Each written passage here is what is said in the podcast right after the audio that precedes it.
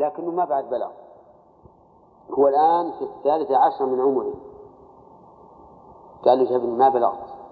ما كملت خمس عشرة سنة ولا احتلمت ولا نبت عانتك قال طيب. فذهب إلى الأطباء وقال أعطوني دهنا ينبت الشعر. فأعطوه ذلك. فجاء إلى وليه وقال تفضل. الآن بلغت. أعطني مال هل يعطى ماله؟ لا. لأنه أنبت بعلاج. أنبت بعلاج. والمؤلف يقول أو نبت حول قبله نبت. فإذا أنبت بعلاج فلا عبرة به. طيب لو لو نبتت لحيته لا عانته. ها؟ لا عبرة. من باب أولى. لا عبرة. نقول لا عبرة. لو نبت له لحية لكن ما نبت له عانة ولم يتم له خمس عشر سنة ولم ينزل فإنه ليس ببالغ فالعبرة هي نبات العانة. طيب وقول المؤلف شعر خشن. احتراز منين؟ من الشعر الناعم الرقيق فهذا ليس بعلامة على البلوغ لأنه يكون في الإنسان من صغره. فلا عبرة به. والله أعلم. نعم. أنزل يعني أنزل منيا لكن بشرط أن يكون بشهوة. إلا من نائم. لأن النائم لا يحس به. فإذا أنزل منيا يقظة أو مناما بشهوة حكم ببلوغه لقوله تعالى وإذا بلغ الأطفال منكم الحلم فليستأذنوا كما استأذن الذين من قبلهم ولقوله تعالى وفي اليتامى حتى إذا بلغوا النكاح. والإنسان يبلغ النكاح إذا إذا أنزل. لأنه صالح الآن للتزوج حيث ينجب بهذا الإنزال. طيب إذا العلامة الثالثة وهذه الأخيرة بإجماع المسلمين أنها علامة على البلوغ وأما العلامتان السابقتان ففيهما خلاف بين أهل العلم.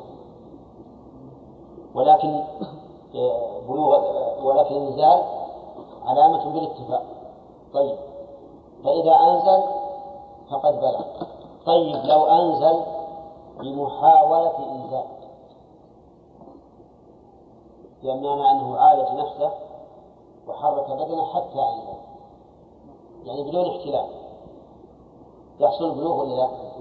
نعم يحصل البلوغ وكذلك لو لو قبل امرأة أجنبية حرام عليه تقبيلها حرام عليه تقبيلها فإنه إذا أنزل بهذا يكون بالغا. المهم أن وسيلة الإنزال لا يشترط أن تكون مباحة. فمتى وجد الإنزال صار بالغا قال المؤلف رحمه الله أو أنزل أو عقل مجنون انتهى الكلام على الصغير فصار الصغر يزول بواحد من أمور ثلاثة تمام؟ خمس عشرة سنة. إنبات الشعر الخشن الخشن حول القبر الثالث الإنزال. ويكون هذا للرجال وللنساء. أما العقل أو عقل مجنون عقل مجنون أن ارتفع عنه الجنون فإنه مع الرشد يزول عنه الحجر كيف نعرف عقله؟ بتمييزه وتصرفه نعم. قال المؤلف ورشد ورشد ورشد الفاعل يعود على الصغير وعلى المجنون فيها ألف نعم فيها ألف. ورشد أي الصغير والمجنون من أين نأخذ منه إلى صغير المجنون؟ لأنه قال وإن تم لصغير خمس عشرة سنة. ثم عطف عليه ثم قال أو عقل مجنون ورشد أي السفي أي الصغير الذي بلغ والمجنون الذي عقل الدليل على أنه لا بد من الرشد. قوله تعالى وابتلوا اليتامى حتى إذا بلغوا النكاح. هذا البلوغ فإن آنستم منهم رشدا فادفعوا إليهم أموالهم إذا إذا لم نونس الرشد ولم ولم نره فإننا لا ندفع إليهم الأموال. ولهذا اشترط المؤلف رحمه الله اشترط أن يرشد. قال أو رشد سفيه. رشد سفيه. هنا قال سفيه. ولم يقل أو بلغ لأن المحشور عليهم كم؟ صغير ومجنون وسفيه. فمعنى رشد سفيه يعني أن لدينا رجلا بالغا عاقلا لكنه سفيه من حيث التصرف هذا ما نقول إذا بلغ ولا نقول إذا عقل لماذا؟ لأنه بالغ عاقل. ولكن نقول إذا رشد فصار الصغير لا يزول حجره إلا بشرطين. البلوغ والرشد. والمجنون لا يزول لا حجره إلا بشرطين. العقل والرشد. والسفيه يزول حجره بشرط واحد وهو ها؟ الرشد. لأنه هو بالغ عاقل. قال زال حجرهم بلا قضاء. نعم. زال حجرهم بلا قضاء. زال هذه جواب إن في قوله وإن تم لصغير خمس عشر سنة. هذا جواب. زال حجرهم بلا قضاء قضاء إيش؟ قضاء الحاكم. يعني هذا الصغير اللي كان ماله عند وليه. بلغ ورشد فإنه يقضى يزول الحجر. نحتاج أن نذهب إلى القاضي ونقول فك الحجر عنه لا. علل لأن هذا الحجر ثبت بدون القاضي فزال بدونه. بخلاف الحجر السابق الحجر على المفلس بحفظ غيره فإنه لا يثبت إلا بحكم القاضي ولا يزول إلا بحكم القاضي. قال وتزيد الجارية في البلوغ بالحي وتزيد الجارية في البلوغ بالحي والمؤلف رحمه الله قال فيما سبق وإن تم لسان خمس عشر سنة وهو عام في الذكر والأنثى. لكن تزيد الجارية الأنثى في البلوغ بالحي لأنها إذا حارت صارت صالحة للحمل. وصار رحمها قابلا له. لأن هذه الإفرازات الدموية تكون من الرحم إذا صار قابلا لتلقي الماء من الرجل ونشوء الحمل فيه. وعليه فإذا كانت حارت صارت بالغة. ولأن النبي صلى الله عليه وسلم قال لا يقبل الله صلاة حائض إلا بخمار والحائض بمعنى التي بلغت في الحيض. قال المؤلف رحمه الله وإن حملت حكم ببلوغها لم يقل المؤلف إن الحمل من علامات البلوغ. وإنما قال إن حملت حكم ببلوغها. لماذا؟ لأن الحمل لا يكون إلا عن إنزال. وإذا أنزلت صار البلوغ بإنزالها لا بحملها. شوف دقة العبارة عند العلماء. مع أنها إذا حملت فهي بالغ قطعا. لكننا لا نقول إن حملها هو الذي حصل به البلوغ.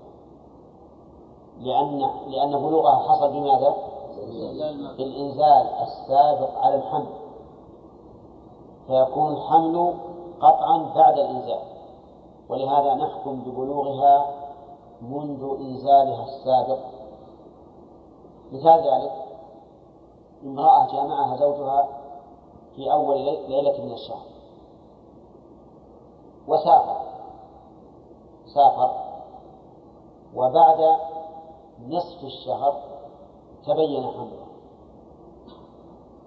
لو جعلنا الحمل علامة البلوغ لم تبلغ إلا من نصف الشهر. لكن نقول لا الحمل منذ الإنزال السابق قصدي لكن البلوغ منذ الإنزال السابق على الحمل. إذا مما من أي وقت بلغت هذه المرأة؟ من أول الشهر. وعلى هذا فتصرفها فيما بين أول الشهر ونصفه تصرف صحيح.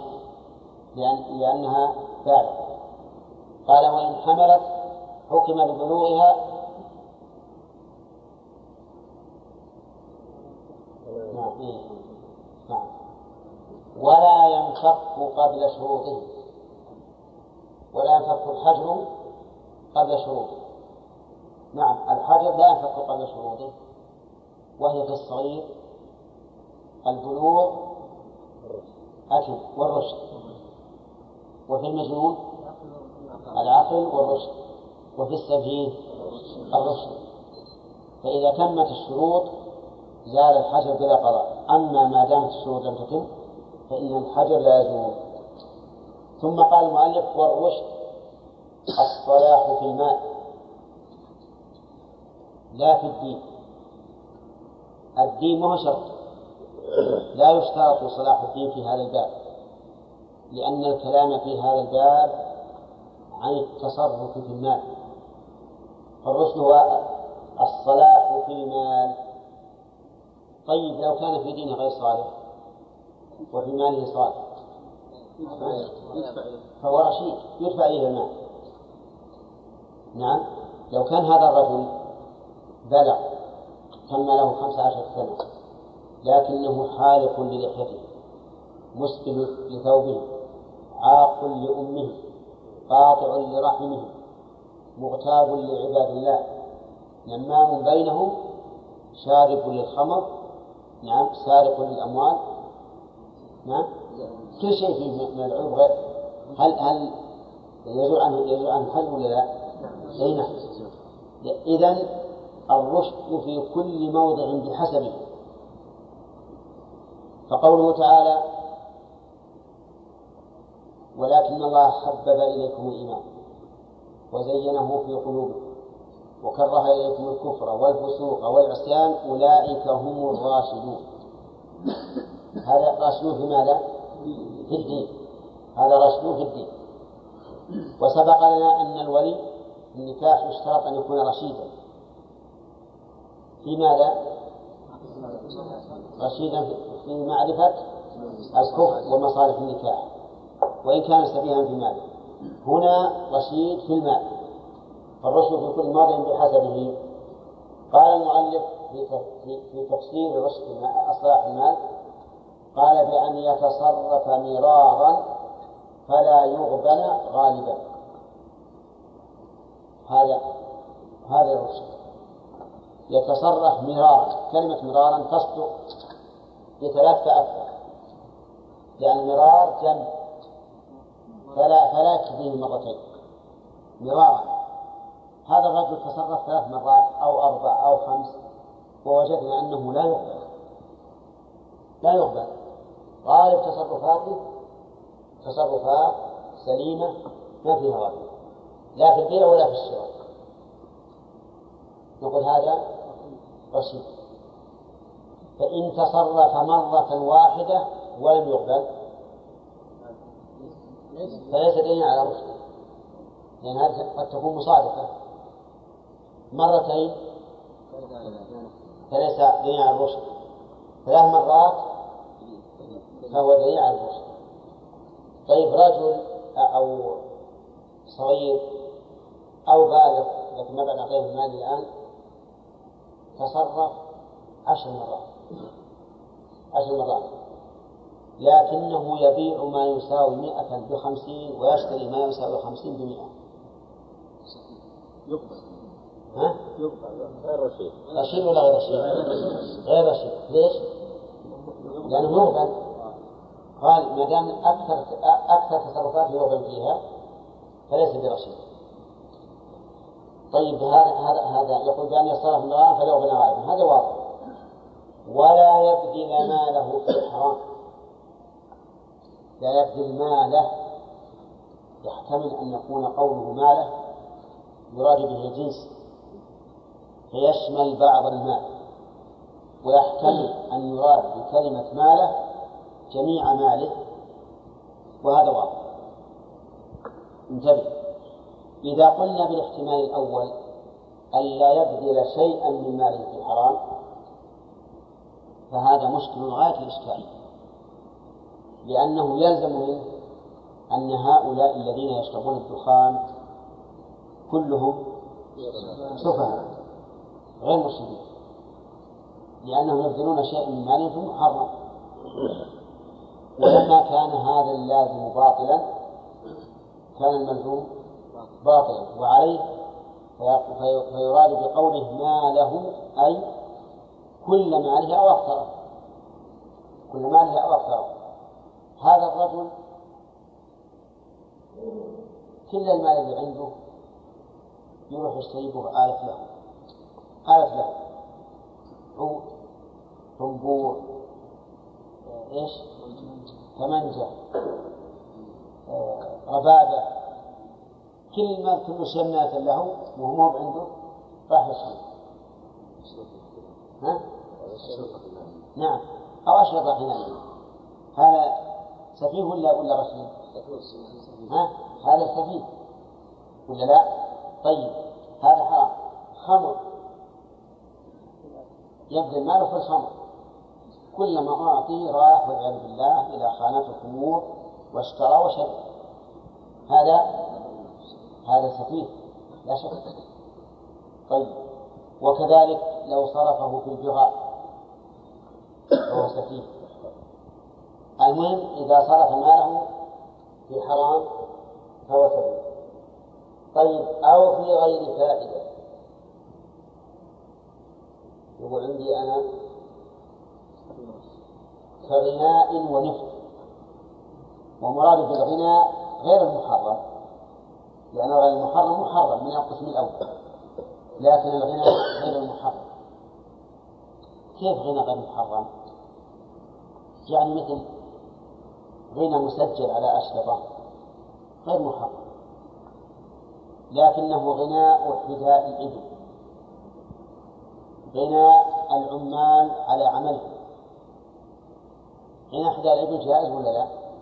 جائز لأن الرسول عليه الصلاة والسلام أقره غناء العمال على عملهم ليستعينوا بذلك على العمل. جائز ولا لا؟ جائز.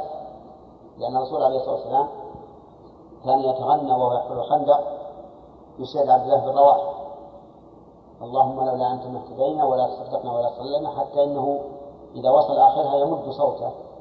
أبينا.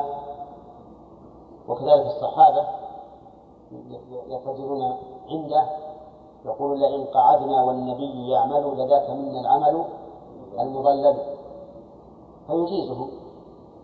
فالبناؤون مثلا الذين يستعينون على البناء بالأغاني أرجوزة أو مثلا مطولة من الطويل أو البسيط أو ما أشبه ذلك من بحور الشعر فإن هذا لا بأس به.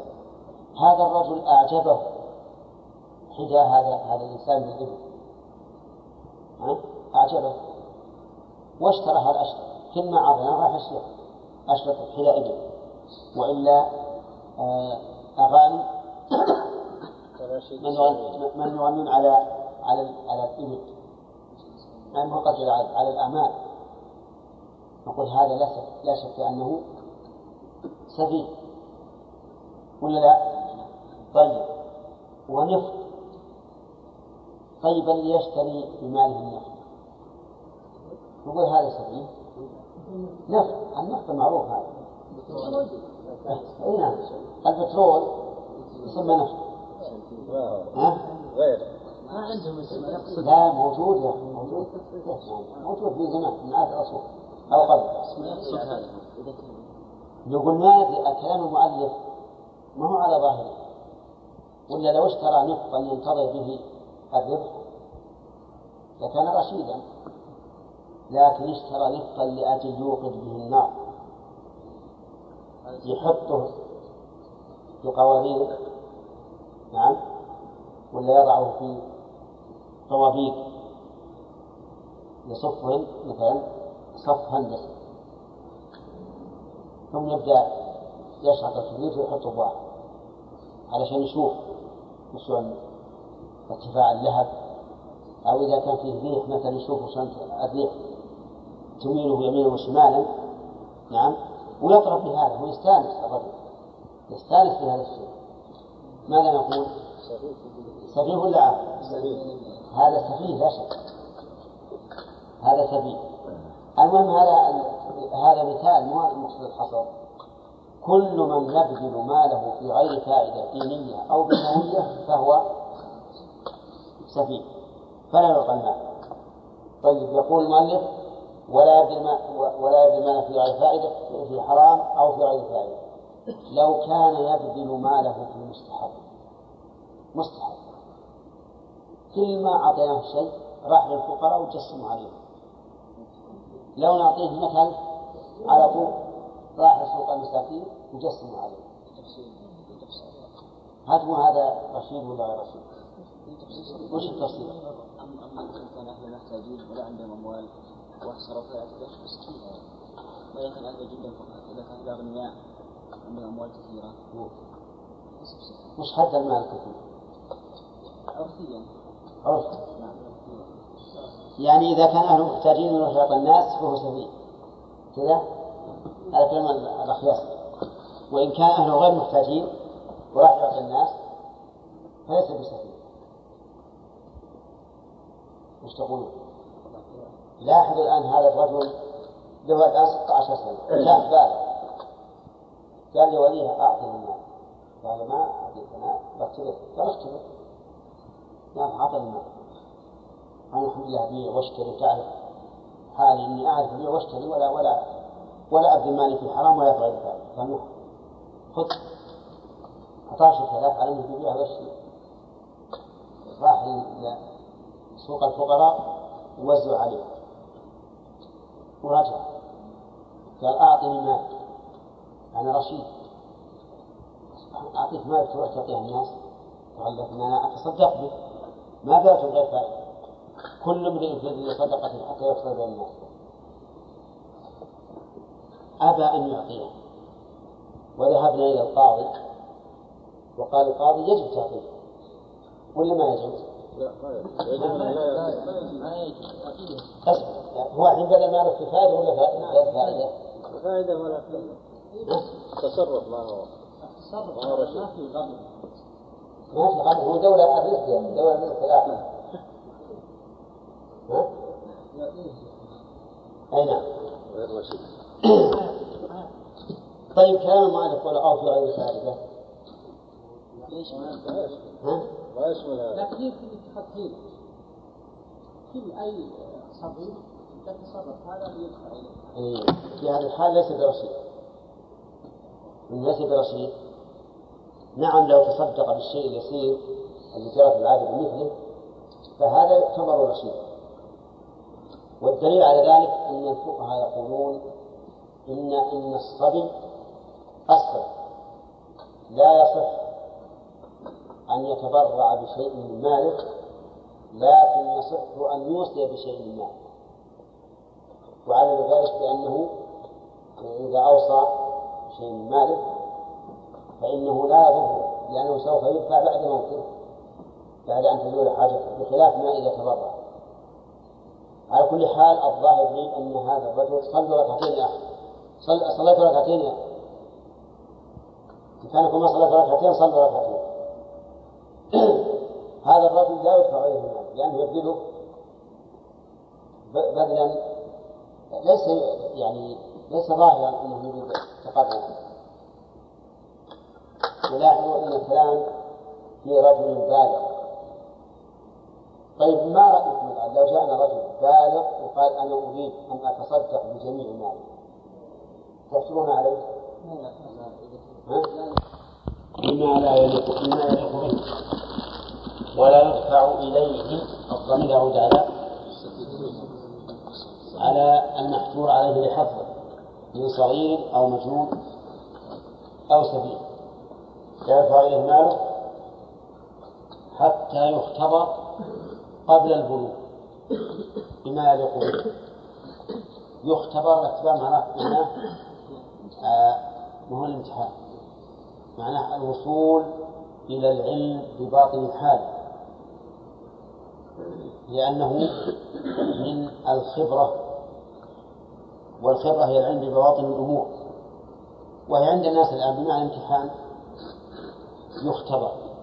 قال المؤلف قبل بلوغه يعني لابد أن يكون الاختبار قبل البلوغ. لماذا؟ لأجل إذا بلغ فمن حين بلوغه ندفع إليه المال. لأن الأصل في بقاء المال في يد الولي الأصل فيه التحريم. لأنه لا يجوز أن نستولي على أحد. فالأصل التحريم. ولهذا نقدم الاختبار قبل البلوغ من أجل أن ندفع إليه ماله فور بلوغه إذا علمنا رشده. قال الله عز وجل وابتلوا اليتامى حتى إذا بلغوا النكاح فإن آنستم منهم رشدا فادفعوا إليهم أموالهم قال ابتلوا اليتامى واليتيم لابد أن يكون قبل البلوغ. وقال حتى إذا بلغوا النكاح. إذا فالاختبار قبل أن يبلغوا النكاح ولا بعد؟ قبل. فإن آنست فإن آنستم منهم رشدا بعد بلوغ النكاح فادفعوا إليهم أموالهم. هذا الدليل على ما ذكر المؤلف رحمه الله. وقوله بما يليق به بما يليق به. أفادنا رحمه الله أن اختبار هؤلاء ليس على حد سواء بل يختبر بما يليق به. فالمرأة لا نختبرها بالبيع والشراء. ليش؟ لأنها ليست من أهل البيع والشراء. نختبرها بما يليق بها من شؤون البيت. إذا عرفنا مصلحة البيت مدبرة للطعام والشراب والأواني وما أشبه ذلك عرفنا أنها رشيدة أما إذا كانت لا تعرف تدبير هذا الشيء إذا أرادت أن تخرج طعاما لثلاثة أخرجت طعاما يكفي ثلاثين. وطبخت. والباقي يلقى هذه رشيدة ولا غير رشيدة؟ ها؟ غير رشيدة. غير رشيدة. لأنها بلد المال في غير محلها كذلك إذا عرفنا أنها ما تهمها الأواني. يمكن تأخذ الزجاج يعني وغيرها تلقيها بقوة. وينكسر ما تبالي بهذا الشيء. عرف أنها رشيدة ولا غير رشيدة؟ غير رشيدة. لا تنظف الأواني ما يهم؟ يبقى الفنجان لا يغسل شهرا. نعم. هذه رشيدة ولا رشيدة؟ ها؟ نعم غير رشيدة. لأن الرشيدة هي تسلم التصرف طيب إذا إذا كان هذا الرجل أو هذا الصغير ابنا لتاجر ابنا لتاجر فبماذا نختبره؟ في التجارة في البيع والشراء وما أشبه ذلك. ابنا لفلاح؟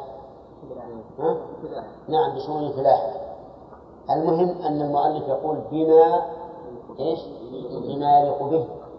لا نطالب ابن الفلاح أن يكون عارفا بالبيع والشراء والأخذ والعطاء. لأن هذا ليس هو مسكين دائما كان فلاحا ولا يعرف شيء. لكن نقول هل هو يدبر الفلاحة تماما ولا لا؟ نعم ننظر. هو الآن يروس الماء. بعض الأحواض يملأه حتى يتقطع. وبعض الأحواض يخلي فيه النصف. والباقي ما ما يشرب. قلنا ليش يا ولد هذا؟ قال كله واحد. اللي ما شرب بالماء يشرب بالريح ريح الماء هذا يسمى تصرف ولا ما يسمى؟ ما ما يسمى تصرف. على كل حال المؤلف أعطانا قاعدة بل حتى يختبر قبل بلوغه بما يليق به. نعم. ثم انتقل المؤلف بعد أن ذكر حكم الحجر على هؤلاء وبماذا يزول وما هي الطريق إلى إزالته. بين من وليهم حال الحجر؟ يقول ووليهم حال الحجر الأب. الأب خبر مبتدأ الأب المراد به أبو الصلب دون الجد. فهذا ولي الأب. ووكيله يقوم مقامه. كما لو سافر الأب وأقام عليهم وكيلا فإنه يقوم مقامه طيب ووصيه قال المؤلف ثم وصيه. وصيه هو الذي وكلهم عليه وكله عليهم بعد موته. وكلهم عليه بعد موته. لأن النائب عن عن المالك ذكرنا أنهم أربعة أصناف. ولي وصي وكيل وناظر وناظر. فإذا أقام الإنسان من ينوب عنه في ولده الصغير فإن كان في حياته فهو وكيل. وإن كان بعد موته فهو وصي إذا وليهم الأب ثم وصيه ثم الحاكم. الحاكم يعني القاضي. الحاكم هو القاضي. فصار أولياء المحدود عليهم بحظهم ثلاثة. وإن شئت فقل اثنان. وإن شئت فقل أربعة. ها؟ طيب. نقول اثنان باعتبار الأصول. وهم الأب والحاكم. وأربعة باعتبار الفروع. وهي الأب ومن ينوب منابه من وكيل أو وصي والحاكم ومن ينوب منابه كالوكيل. انتبه. عرفتم الآن؟ فصار أولياء هؤلاء كم؟ اثنان أصالة وأربعة باعتبار نوابهم. فهو الأب والحاكم أو من ينيبه الأب من وكيل أو وصي والفرق بين وكيل ووصي عبد الرحمن من داود. وش الفرق؟ الوصي هو الذي يوصي به يعني أب هذا أب الطفل هذا يوصي به يوصي به يعني يوكل يوكل. يوصي بالولاية من بعد بعد الموت. والوكيل؟ الوكيل ما عرف ها؟ الوكيل ما ما عرف ما عرفت أنت ما عرفت لا. شفت انك بعض الذي يوكله في الحياة صح طيب الحاكم طيب الجد هل له ولاية على أولاد ابنه؟ لا الأخ الشقيق ها؟ له ولاية على إخوته؟ آه لا الأم لها ولاية على أولادها؟ لا. هذا على المذهب. المذهب ما فيه ولاية في المال إلا هؤلاء. الأب ومن ينوب منابه والحاكم ومن ينوب منابه هذا في المال. طيب. الإبن يكون وليا على أبيه؟ ها؟ إيه الإبن كبير. بالغ عاقل رشيد إيه. طيب ما فعل أنا قصدي الأب وصل إلى إلى درجة لا يحسن التصرف لكبر أو مرض. هل يكون ابنه وليا له؟ المذهب لا. لا يكون وليا له. فإذا وجد عندنا رجل كبير السن ولا يحسن التصرف في ماله وله ابن عاقل رشيد عدل نعم مبالغ ومن أحسن الناس تصرفا. نقول ما يمكن تستولي على مال أبيك ولا تتصرف في مال أبيك من من من يقوم بهذا؟ رشد القاضي هو الذي له الولاية إن شاء ولاك وإن شاء ولا غيره عرفتم؟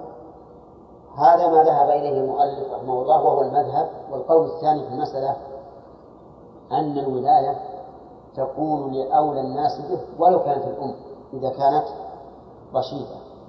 إذا كانت رشيدة لأن المقصود حماية هذا الطفل الصغير أو حماية المجنون أو السفيه. فإذا وجد من يقوم بهذه الحماية من أقاربه فهو أولى من غيره فهو أولى من غيره. وهذا الذي ذكرناه هو الحق إن شاء الله تعالى. وعليه فالجد أبو الأب يكون وليا لأولاده والأخ الشقيق وليا لأخيه الشقيق الصغير. والأم إذا عدم العصبة تكون ولية لابنها. نعم إذا قدر أن أقاربه ليس فيهم الشفقة والحنو والعطف فحينئذ نلجأ إلى إلى الحاكم ليولي من هو قال المؤلف رحمه الله ولا يتصرف لأحدهم وليه إلا بأحق. من شراب وليه؟ ولا يتصرف لأحدهم وليه. فاعل. فاعل. طيب. لا يتصرف لأحدهم وليه لأحدهم هؤلاء الثلاثة وهم الصغير؟ والمجنون والسفيه إلا بالأحظ وما الأحظ يعني الأفضل والأحسن. دليل ذلك أثر ونظر. أما الأثر فقوله تعالى ولا تقربوا مال اليتيم إلا بالتي هي أحسن. وأما النظر فلأن هذا الولي يتصرف لغيره فوجب عليه أن يأخذ بالأحظ لو كان الإنسان يتصرف نفسه فهو حر لكن يتصرف لغيره لابد أن يأخذ بالأحظ وهذا شامل في الولايات الدينية والولايات الدنيوية. انتبه لها. لا يتصرف الولي على أحد سواء كانت الولاية الدينية أو الدنيوية إلا بالأحسن. ولهذا قال النبي صلى الله عليه وسلم إذا أمن أحدكم الناس فليخفف وإذا صلى وحده فليطول ما شاء لماذا؟ لأنه إذا كان إماما فهو ولي وإذا كان يصلي وحده فهو أمير نفسه ومن ثم أيضا نقول لا يجوز للإمام أن يسرع سرعة تمنع المأمومين فعل ما يجب. ويكره أن يسرع سرعة تمنع المأمومين فعل ما يستحب. ولو قيل بأنه يحرم عليه أن يخالف السنة لو قيل بذلك لكان له وجه. لا سيما إذا علمنا أن المأمومين يودون تطبيق السنة. فمثلا لو أراد أن يصلي الفجر بقصار المفصل المذهب هذا جائز لكن لو قيل بأنه ليس بجائز لأنه خلاف السنة لا سيما إذا علمنا أن أهل المسجد يرغبون أن يفعل السنة فيهم لو قيل إنه غير جائز لكان له وجه لأن القاعدة أن من يتصرف لغيره فإنه يجب عليه إيش؟ أن يعمل بالأحسن. ولا تقربوا مال اليتيم إلا بالتي أحسن. فمثل هذا الرجل الولي نقول لا تتصرف إلا بما أحق. فإذا أردت أن تشتري سلعة وأمامك سلعة أخرى السلعة الأولى تظن أنها تربح عشرة في المئة والثانية تظن أنها تربح عشرين في المئة أيهما تأخذ؟ ثانية وجوبا ولا ولا جوازا؟ وجوبا وجوبا لأن هذا هو الأحسن لكن لو كنت تتصرف بنفسك وعرضت لك سلعتان إحداهما في المئة والثانية عشرين في المئة وأخذت بعشرة في المئة يجوز ولا لا؟ يجوز لكن تتصرف لغيرك لا يجوز طيب لو عرض عليه أن يبيع العقار أو يبقيه. أيهما ما أحسن؟ ينظر المصلحة لكن الغالب الغالب أن بقاء العقار أنفع. لا سيما العقار المغل الذي يأتي بغلة ولهذا قال بعض العلماء إنه لا يبيع العقار إلا إذا كان هناك ضرورة أو غبطة وقد جرت المحاكم عليه الآن. فالعقار لا يباع إلا بواسطة المحكمة لأن العقار ثابت وباقي والدراهم عرضة للتلف والزوال. فيحتاط الإنسان في العقار أكثر مما يحتاط في غيره. قال ويتجر له مجانا.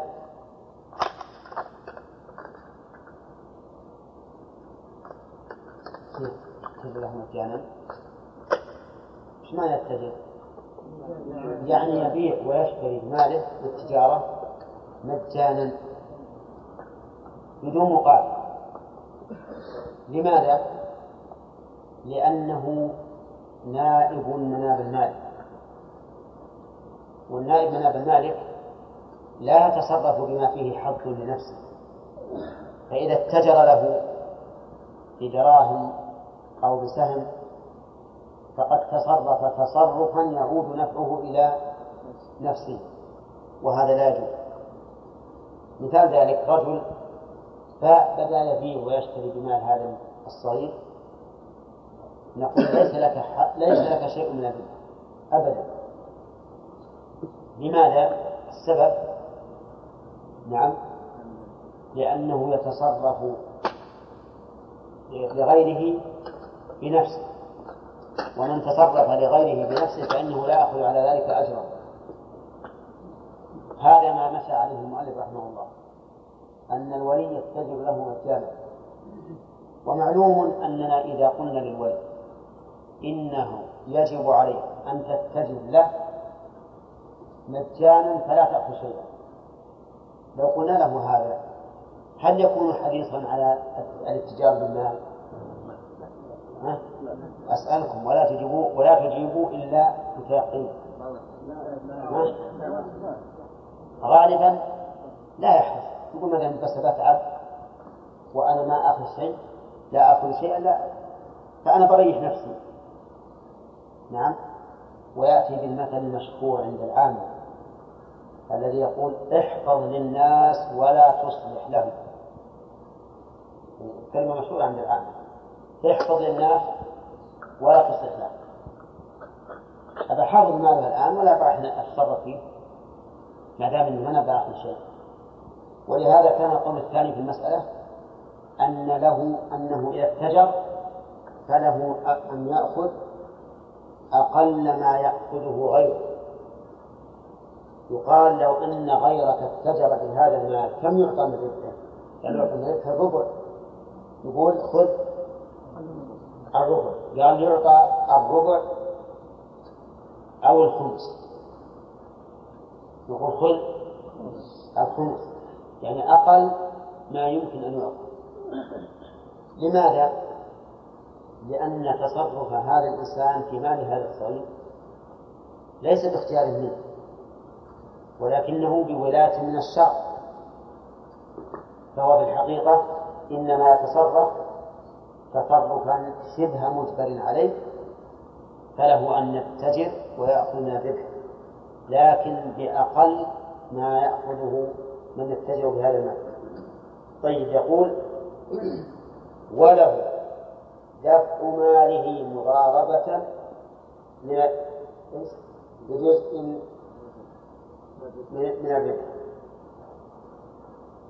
وله دفع ماله مضاربة مضاربة. معنى؟ يعني يضرب واحد الثاني.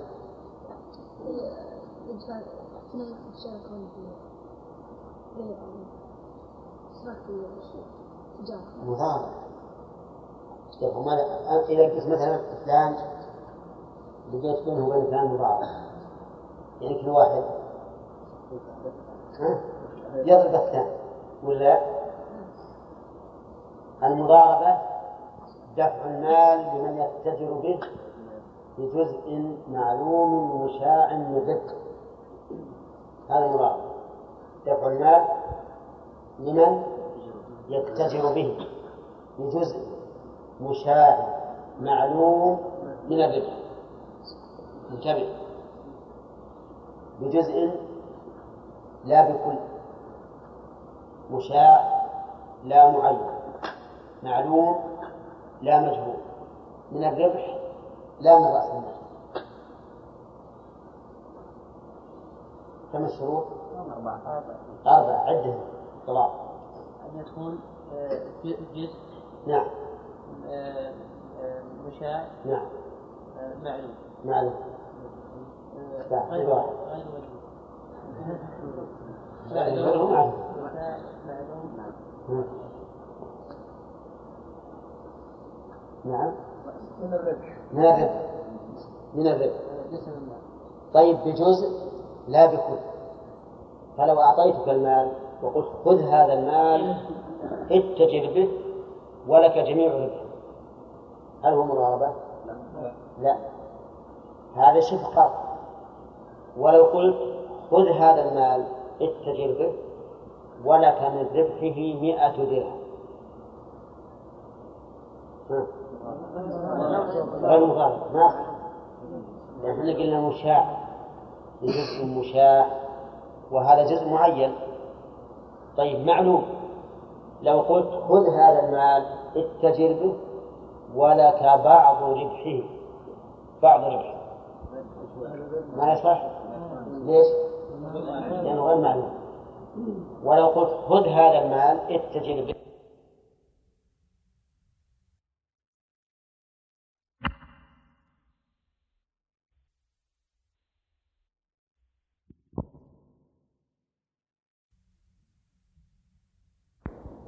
لصغير أعطيتها زيدا يتجر بها وله نصف الربح جائز ولا لا؟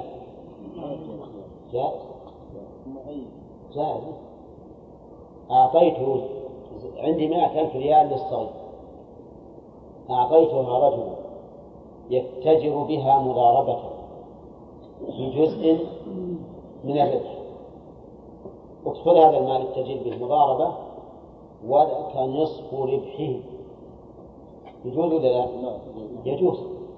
لكن بشرط أن أن أرى أن هذا هو أحسن ما يكون في مال هذا الصدق ولا تقربوا مال اليتيم إلا بالتي هي أحسن. طيب إذا كان هذا الرجل يأخذه بالنصف ولكن به رجل آخر يقول يكفيني ثلث الربح. يجوز أعطي الأول؟ ها؟ إن قلتم لا قلنا خطأ وإن قلتم نعم قلنا خطأ إذا كان على الأول.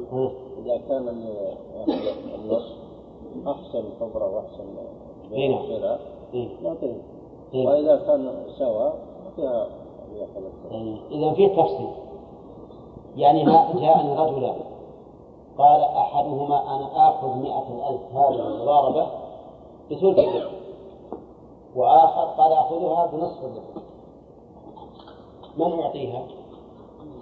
ها؟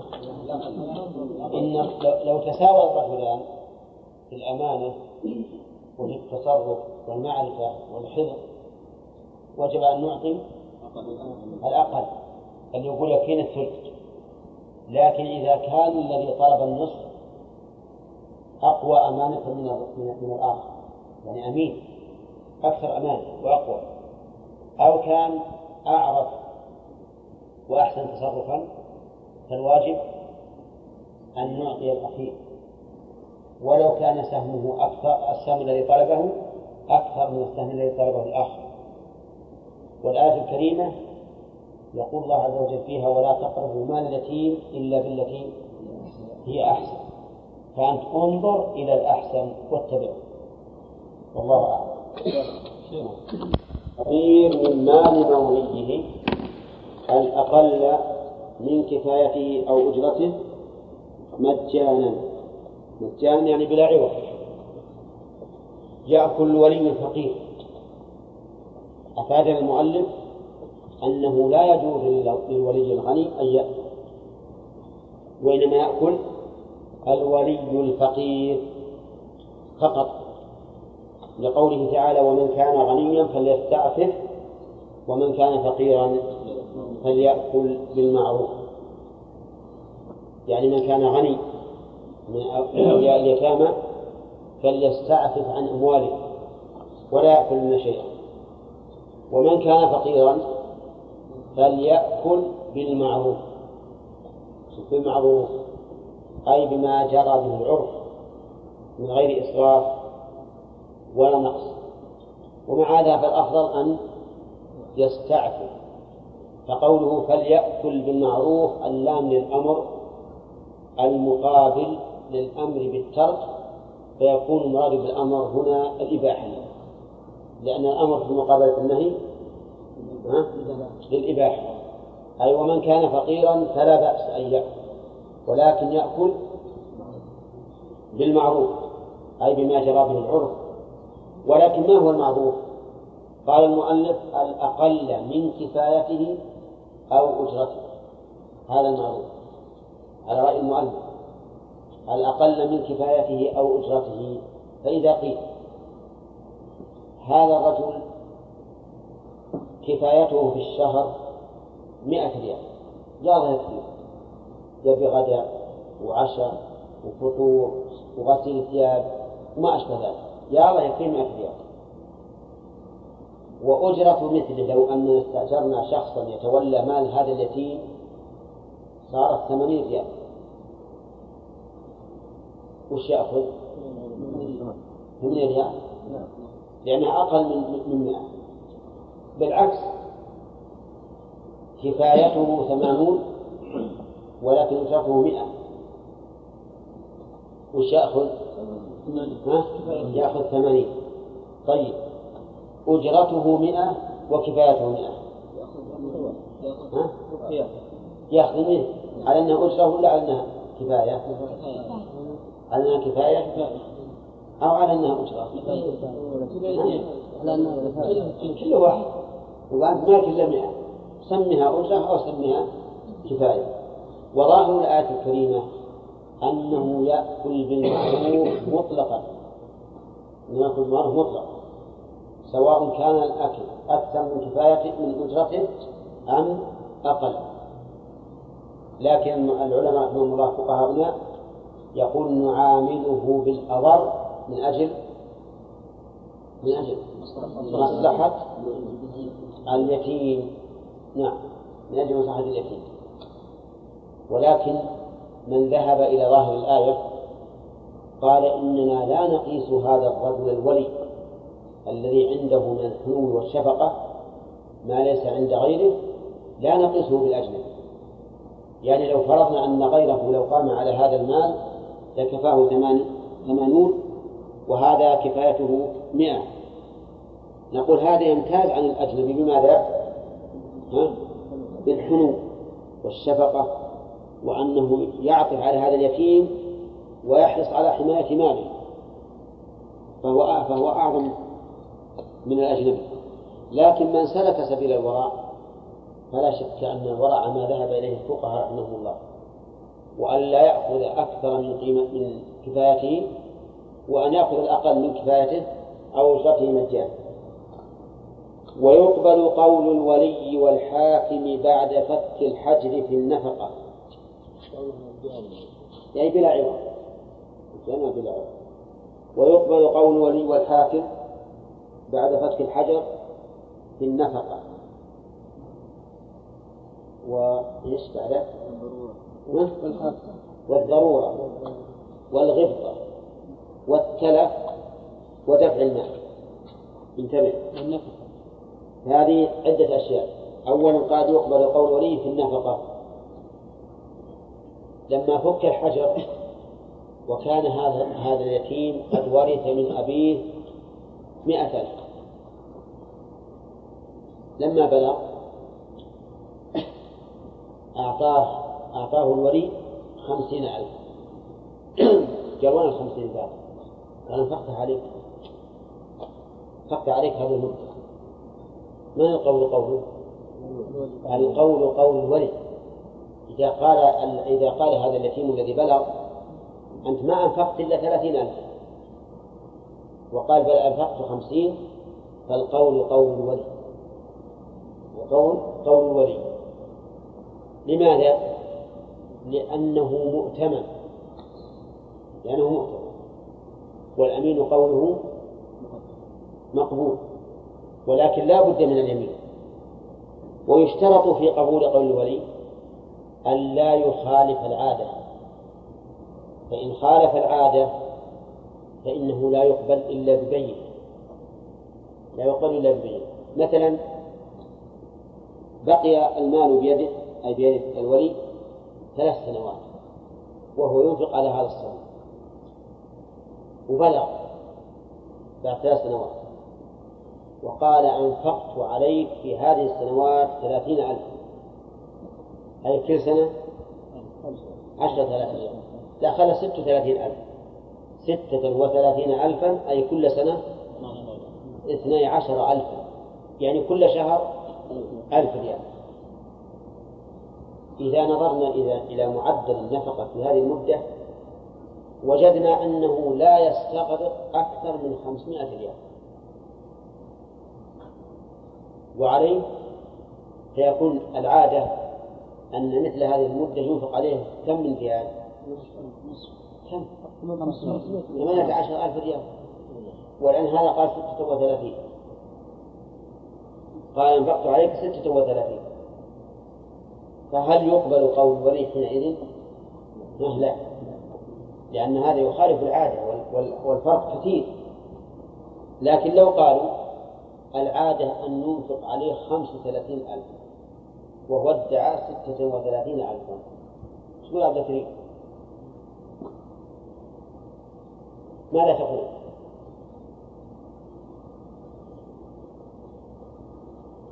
ها أجب هنا الحين؟ ها؟ شلون؟ ما في فرق؟ وش اللي إحنا قلنا عشان ما فيه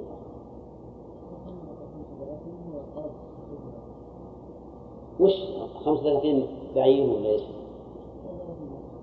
وش مقابل إيش؟ ها؟ اي أحسنت طيب آه هو قال إنها 36 والناس قالوا انه مثل هذا هذا الزمن ينفق عليه 35 يقبل ولا لا؟ يقبل قول الولد لأن واحد من 36 أمر قد يكون يمكن يجي حالات مثلا تزيد المعيشة أو هذا الصبي يحتاج إلى دواء مثلا أو ما أشبه ذلك. طيب أما شيء يخالف العادة والعرف فهذا لا يقبل طيب ويقول في النفقة الثاني في الضرورة والغبطة. الضرورة والغبطة متى تكون؟ تكون في بيع العقار. لأنه سبق لنا أنه لا يجوز للولي أن يبيع العقار كذا يا حجاج؟ لا يجوز أن يبيع العقار إلا لضرورة أو غبطة. الضرورة مثل أن يحتاج اليتيم إلى نفقة. ولا عندنا فلوس. ما فيه إلا أن نبيع العقار ونأخذ منه نفقة. وش تكون هذه؟ ضرورة. الغبطة أن أن يسام هذا العقار بثمن زائد كثير. فهذا غبطة. بمعنى أننا لو بعناه لاشترينا مثله مرتين. فهذه غبطة. فإذا فإذا بلغ الصبي وقال للولي ليش تبيع عقاري؟ العقار أثبت من الدراهم. الدراهم تطير تروح والعقار ثابت ليش تبيعه؟ قال بعته لأنك اضطررت إلى هذا ما عندي لك ماذا أصنع؟ يبقى نقول الصبي أثبت ذلك ببينة أه؟ لا نقول يقبل قول الولي بذلك لكن لا بد من اليمين كذلك الغبطة قال ليش تبيع عقاري؟ قال لأنه جاب هو يساوي 100 وبعته ب 200 هذا غبطة من تحصل له هذه؟ لولا أن جارك احتاج إلى إلى عقارك ما يسوي شيء أبدا. فيقبل قول الولي ولا لا؟ ها؟ هذا كذلك يقبل قول الولي في التلف. تلف إيش؟ تلف المال. كان هذا اليتيم قد خلف له أبوه خمسمائة ألف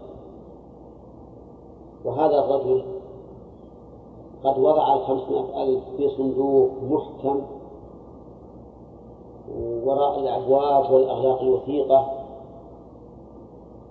فجاءت اللصوص فاحتملوا الصندوق وما فيه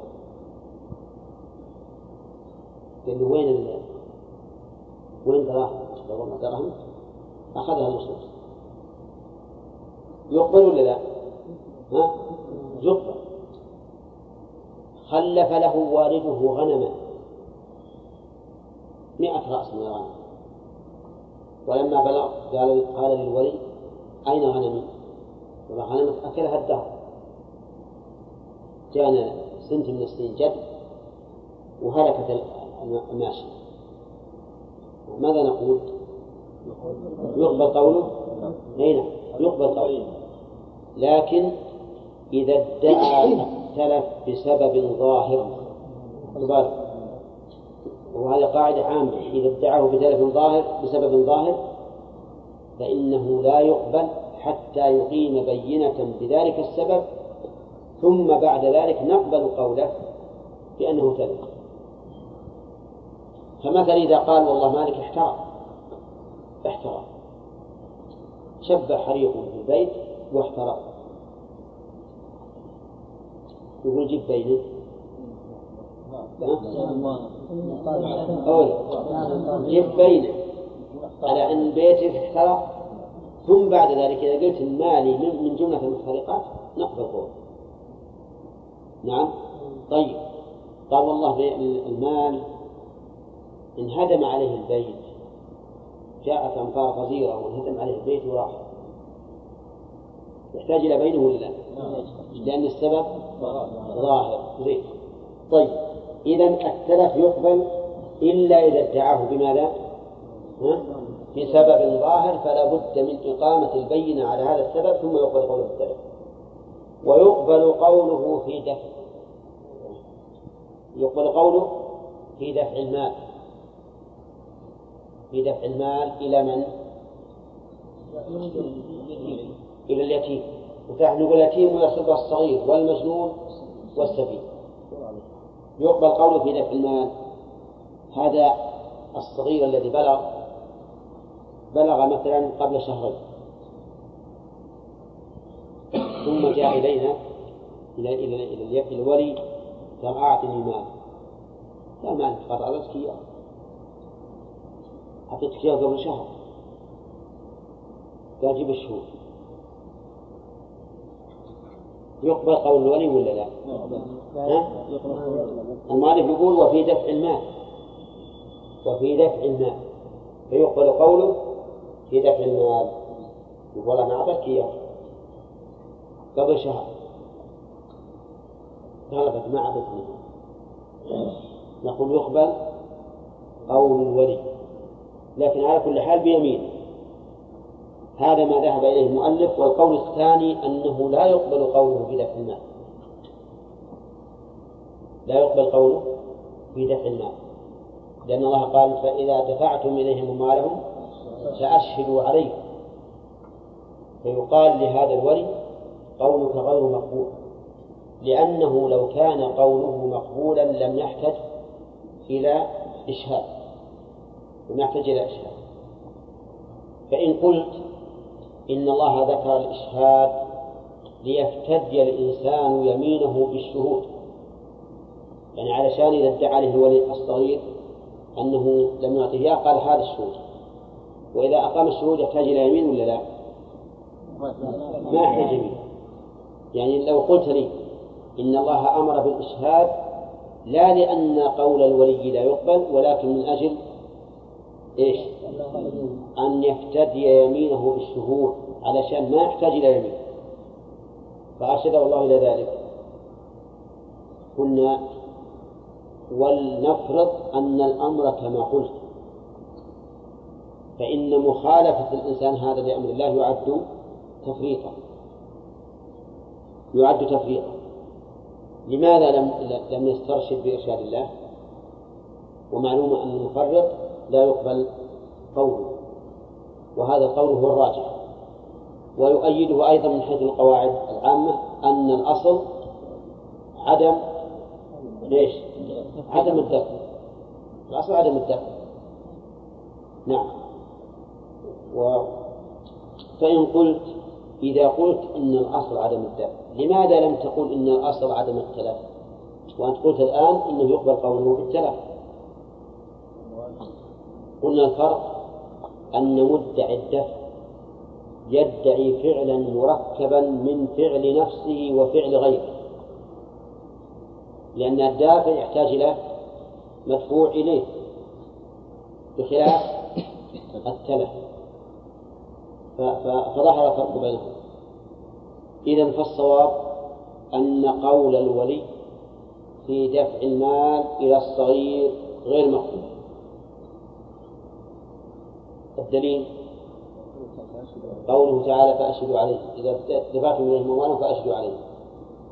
والتعليل أن الأصل عدم الدفع ولأن الدافع يدعي أن المدفوع إليه قد قبض فهو قد ادعى على غيره فعلا واقعا منه والغير ينكر ذلك. والبينة على المدعي واليمين على من أنكر.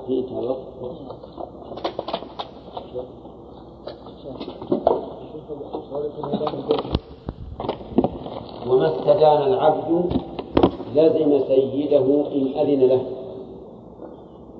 ما استدان هذه شرطية ولزم جواب الشرط. يعني أن العبد إذا استدان شيئا بإذن سيده لزم سيده.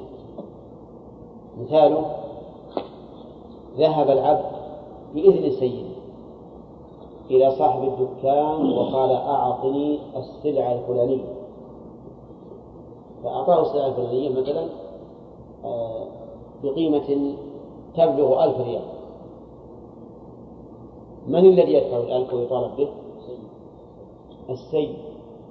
السيد هو الذي يطالب بالألف ويلزم بدفعها لأنه إنما استدان بإذن سيده فلزم السيد. فإن قال السيد أنا لم آذن لك يعني ما أذنت لك. قلنا إما أن يأتي العبد ببينة وإلا تعلق برقبته تعلق برقبته برقبة العبد. طيب الفرق بين التعلق بالرقبة والتعلق بذمة السيد بذمة السيد نعم.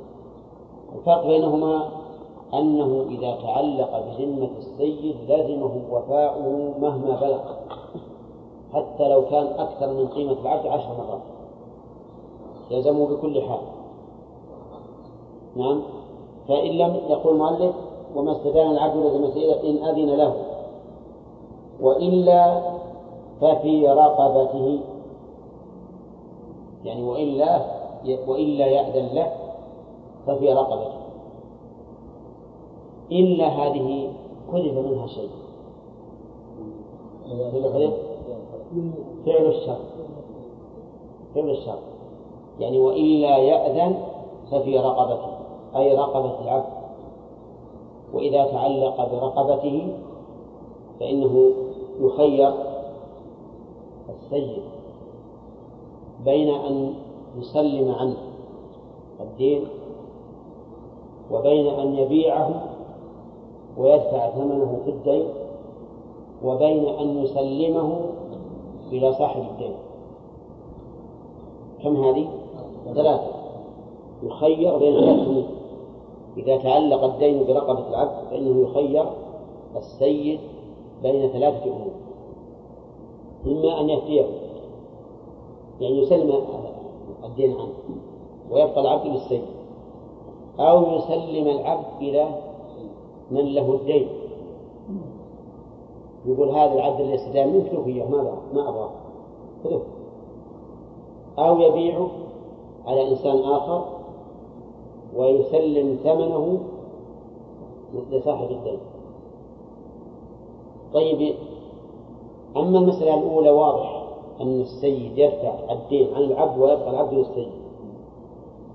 لكن المسألة الثانية والثالثة. ما الفرق بين كونه يسلمه إلى صاحب الدين أو يبيعه ويسلم ثمنه؟ الفرق هنا أنه قد يلاحظ مصلحة العبد. يكون صاحب الدين رجلا سيء الأخلاق غير أمين على العبد. مو أمين. نعم. فحينئذ أرجح أي شيء أي شيء. أرجح أن يبيعه على إنسان موثوق وآخذ الثمن وأعطيه صاحب الدين. وقد يكون الأمر بالعكس يكون صاحب الدين رجل رجلا أمينا ثقة وأخلاقه طيبة فأسلم إليه العبد إذا خير هذا التخيير الذي يكون للسيد هل هو تخيير تشهي أو تخيير مصلحة؟ لا تشهي هذا تشهي بمعنى أن العبد. السيد مخير. اللي يرى أنه فعله يفعل. التخيير يكون تخيير مصلحة إذا كان الإنسان يتصرف لغيره. فإنه يكون تخيير مصلحة. أما اللي يتصرف لنفسه نعم فهو تخيير تشهد ولهذا السيد هنا ماذا يختار؟ هل يختار أن يفتيه يعني يسلم الدين عنه أو يختار أن يسلمه لصاحب الدين أو ماذا؟ ها؟ ما في شك من المصلحة إذا كان الدين أقل من قيمة العبد يختار أن يفتيه إذا كان الدين أكثر من قيمته اختار أن يسلمه أو أن يبيعه واضح؟ لكن في المسألتين الأخيرتين أي أن أي بيعه أو تسليمه صاحب الدين قد نقول إن التخيير هنا يجب أن يكون تخيير مصلحة ينظر فيه إلى مصلحة العبد هنا قال وإلا ففي رقبته وإذا كان في رقبته ماذا يكون؟ يخير إيش؟ زينه بين أمور ثلاثة طيب كاستيداعه استيداعه يعني أن أضع عنده وديعة. يتصرف فيها ويتركها يعني رجل وضع عند هذا العبد وديعة. العبد جاب له دراهم ألف ريال وقال أبدها بدأ يشتري أشياء. نعم. أو يذهب إلى مباريات أو ما أشبه ذلك. لأن العبد يهوى الرياضة. فصار ينفق هذه الدراهم بهذه الأشياء. صاحب الوديعة جاء يطلبه قال والله الدراهم صرفناها. صرفناها. نجوزها نعم. ذهبنا نتفرج نعم. على المتسابقين على المتصارعين وما أشبه ذلك. آه، ماذا يقول صاحب الوديعة؟ نقول الآن تتعلق هذا الدين يتعلق برقبته أي رقبة العبد فيخير سيده بين الأمور الثلاث. قال وأرش وأرش جنايته. أرش جناية أيضا يتعلق برقبة العبد وش معنى أرش؟ أي قيمة الجناية مثاله عبد جرح رجلا في رأسه حتى أوضح العظم. كم فيها من الإبل؟ خمس من الإبل. فيها خمس من الإبل. يتعلق العرش هنا برقبة العبد فنقول لسيده سلم خمس الإبل قال لن أسلم. خذوا العبد العبد هو لكم بدلا عن خمس من الإبل أو يبيعه ويسلم الثمن لمن جنى عليه. هذا معنى قول وأرشد جنايته. وقيمة متلفه.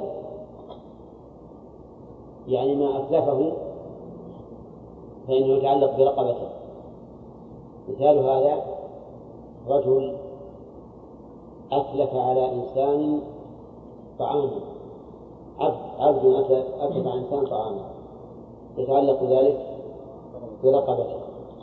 أتلف له سيارة خطأ يتعلق برقبته. قتل بعيرا يتعلق برقبته. وإذا تعلق برقبته فعليه فإنه كما قلنا يخير السيد بين الأمور الثلاثة. ثم قال المؤلف باب الوكالة. الوكالة يقال وكالة ووكالة. كما يقال ولاية وولاية. وهي في اللغة التفويض. التفويض. ومنه قوله تعالى وكفى بالله وكيلا. أي كفى به مفوضا إليه الأمور. عز وجل فالوكالة لغة التفويض. وأما شرعا فهي استنابة جائز التصرف مثله فيما تدخله النيابة. استنابة جائز التصرف مثله فيما تدخله النيابة. فيشترط أن يكون الوكيل الموكل جائز التصرف. وأن يكون الوكيل كذلك جائز التصرف. وأن يكون العمل مما تدخله النيابة. ولهذا نقول استنابة جائز التصرف مثله أي شخص جائز التصرف فيما تدخله النيابة. طيب لو أن صغيرا وكل إنسانا في بيع ماله تصح الوكالة؟ لا. تصح ليش؟ لأنه جائز التصرف لو أن شخصا بالغا عاقلا رشيدا وكل صغيرا في شيء من الأشياء فإنه لا تصح لأنه ليس جائز التصرف لو وكل إنسانا يصلي عنه. نعم؟ تصح الوكالة. ليش؟ ما ما ما تدخل النيابة طيب. وكله يتوضأ عنه ويصلي يتوضأ عني وأنا أصلي ما يصح؟ ليش؟ ما تدخل النيابة. طيب وكله أن يصوم عنه. إذا كان لا يستطيع الصيام لا ما في خلاف. ما يصح. لكن إذا مات فمن مات وعليه صيام صام عنه ولي. طيب وكله أن يحج عنه. فيه تفصيل إن كان في واجب والإنسان الموكل غير قادر. ولا يرجى منه أن ولا يرجى أن يقدر في المستقبل فإنه يصح. وإلا فلا. طيب وكله أن يخرج الزكاة عنه. جائز؟ طيب. وكله أن يذبح الهدي عنه. جائز طيب لأنها تدخل النيابة فإذا العمل الذي تدخل النيابة يجوز التوكيل فيه والذي لا تدخله النيابة لا يجوز فيه التوكيل ثم قال المؤلف رحمك الله بكل قول يدل على الإذن و ويصح القبول كذا عندكم بكل قول أو فعل يدل عليه. ها؟ على القول والتراخي. على الفور والتراخي. عندنا بكل قول أو فعل يدل عليه. إيه، نعم ويصح القبول. نعم ويصح القبول على القول والتراخي بكل قول أو فعل يدل عليه. الوكالة من أوسع العقود يصح فيها الإيجاب بالقول وبالفعل والقبول بالقول وبالفعل أي مثال القول. أقول وكلتك في بيع كذا وكذا.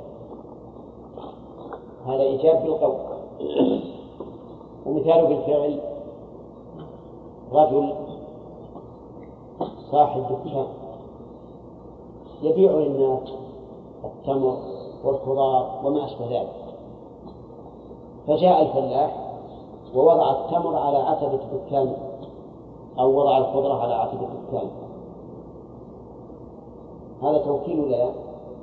بماذا؟ بالفعل. هذا توكيل بالفعل.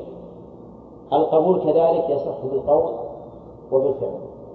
مثل قلت وكلتك أن تبيع هذا لي؟ فقال قبلت. هذا هذا قبول بالقول. بالفعل قلت وكلتك أن تبيع هذا لي. فأخذت أنت من يدي وذهبت وبعت هذا قبول بالفعل. وتصح الوكالة أيضا مقيدة ومطلقة. مقيدة بشيء معين ومطلقة عامة. وتصح مؤقتة ومؤبدة. المهم أنها من أوسع العقول. والله أعلم. والقياس. الدليل القرآن والسنة والقياس يعني النظر. أما القرآن فقال الله تعالى عن موسى عليه الصلاة والسلام قال لهارون أخلفني في قومي وأصلح هذه وكالة قال ووكل سليمان وكل الهدهد قول وشو؟ اذهب بكتابي هذا فألقه إليهم ثم تولى عنه فظن ماذا يرجعون نعم. وما ذكره الله في القرآن عمن سبق فهو عبرة لنا وشرع أما السنة فالأحاديث في هذا كثيرة. وكل النبي عليه الصلاة والسلام عروة بن جابر أن يشتري له أضاح ووكل علي بن أبي طالب أن يذبح ما تبقى من الهدي. في حجة الوداع. ووكل أنيس رجل من الأنصار أن يذهب إلى المرأة التي زنت وقال إن اعترفت فارجمها والأحاديث هذا كثيرة أما القياس والنظر فإنه يقتضي حلها أيضا وجوازها. لماذا؟ لأن الإنسان قد قد لا يتمكن من فعل الشيء بنفسه. فإذا لم يتمكن من فعل الشيء بنفسه فإما أن تفوت مصلحة هذا الشيء وهذا ضرر على بني آدم. نعم. وإما أن يتجرأ على إقامة غيره مقامة مع التحريم وهذا أيضا مضرة. لأنه في الأول تفوت مصلحته الدنيوية. وفي الثاني تحصل له العقوبة الأخروية. فكان من حكمة الشرع أن أجاز إيش؟ أن أجاز الوكالة فيما تقول النيابة. وجه النظر يا طلال وجه دلالة النظر على جواز الوكالة. أن فيها منفعة للموكل فكان من حكمة الشرع ورحمته أن أباح الوكالة. طيب الوكالة فيها لها صيغة. صيغة العقد وهي إيجاب وقبول إيجاب اللفظ الصادر من الإيجاب هو اللفظ الصادر من الموكل. يعني يقول وكلت فلانا في كذا. يقول مؤلف نبدأ من جديد الآن. يقول مؤلف تصح الوكالة بكل قول يدل على الإذن. تصح الوكالة بكل قول يدل على الإذن. لو قلت وكلتك أن تبيع هذا الشيء. انعقد كذا؟ خذ هذا الشيء بيعه نعم. تنعقد؟ ما ما وكلت لكن لما قلت بع فهذه صيغة تدل على التوكيد طيب بكل قول يدل على الإذن هل له صيغة معينة شرعا؟ الجواب لا.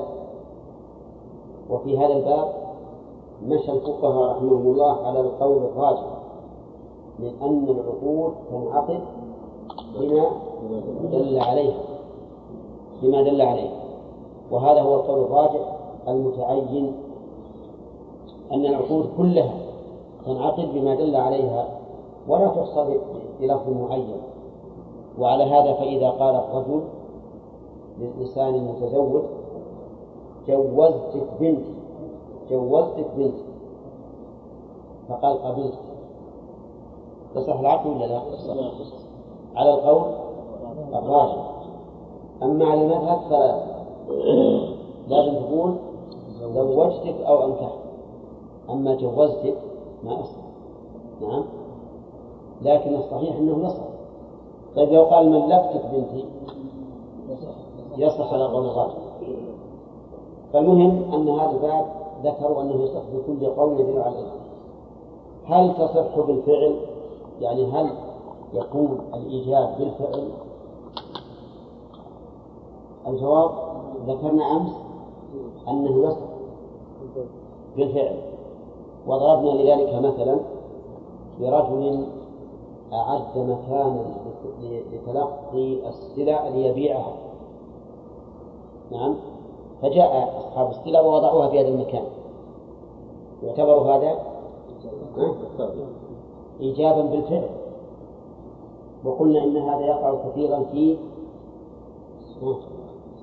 في أسواق الخضر وبيع التمر. تجدهم مثلا عندنا يجيبون التمر يضعون عند هذا في محل هذا الرجل الدلال ويبيعه. يقول هذا توكيل بالفعل. لكن لننظر كلام المؤلف الآن تصح بكل قول يدل على الإذن ويصح القبول بكل قول وفعل. فإن كلام المؤلف يدل على أن الإيجاب لا يصح إلا بالقول. قال بكل قول وفي القبول قال بكل قول أو فعل. الآن نقول كلام المؤلف يدل على أن الإيجاب لا يصح إلا بالقول بخلاف إيش؟ القبول فيصح بالقول وبالفعل. والصحيح أنه أن الإجابة والقبول كلاهما يصحان بالقول وبالفعل. قال بكل قول يدل على الإذن. ويصح القبول على الفور والتراخي يعني يصح أن يقبل الموكل أو بعبارة أصح الوكيل يصح أن يقبل الوكيل بكل قول. فإذا قال وكلتك تبيع هذا هذا الشيء قال قبلت هذا قول الفعل. قال وكلتك تبيع هذا الشيء فأخذه الوكيل وباعه. بدون أن يقول قبلت يصح ولا لا؟ يصح. طيب يقول المؤلف على الفور والتراخي.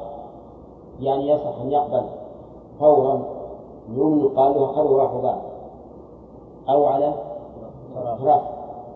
بأن يقول له بع هذا الشيء. سكت ما قال شيء. لم يقل شيئا الوكيل ما قال شيئا يعني لم يقل قبلت فلما كان من الغد باعه. هذا قبول؟ على التراخي ولا على الفور؟ على التراخي ويصح القول القبول. بالقول والفعل. فوريا كان أم متراخي فإن قلت كيف تصححون القبول على التراخي؟ أفلا يمكن أن يكون الموكل قد عدل عن توكيله؟ يعني مثلا هو قال لي خذ هذا بيع وخليت المكان في الصباح جئت به ألا يمكن أن يكون صاحب الشيء هذا وهو الموكل؟ قد عدل عن رأيه. نقول نعم يمكن. لكن الأصل عدم ذلك. الأصل عدم ذلك. فيكون تصرفه مبنيا على إذن سابق. بكل قول أو فعل يدل عليه. وعرفت من قول الفعل. القول بأن يقول قبل والفعل أن يسكت ولكن يتصرف حسب وقت ثم قال المؤلف قاعدة ومن له التصرف في شيء فله التوكيل والتوكل فيه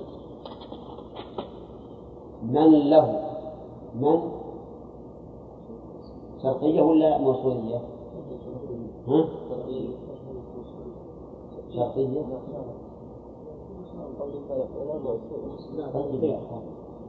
الشرطية معروف أنها لابد تدخل على الفعل.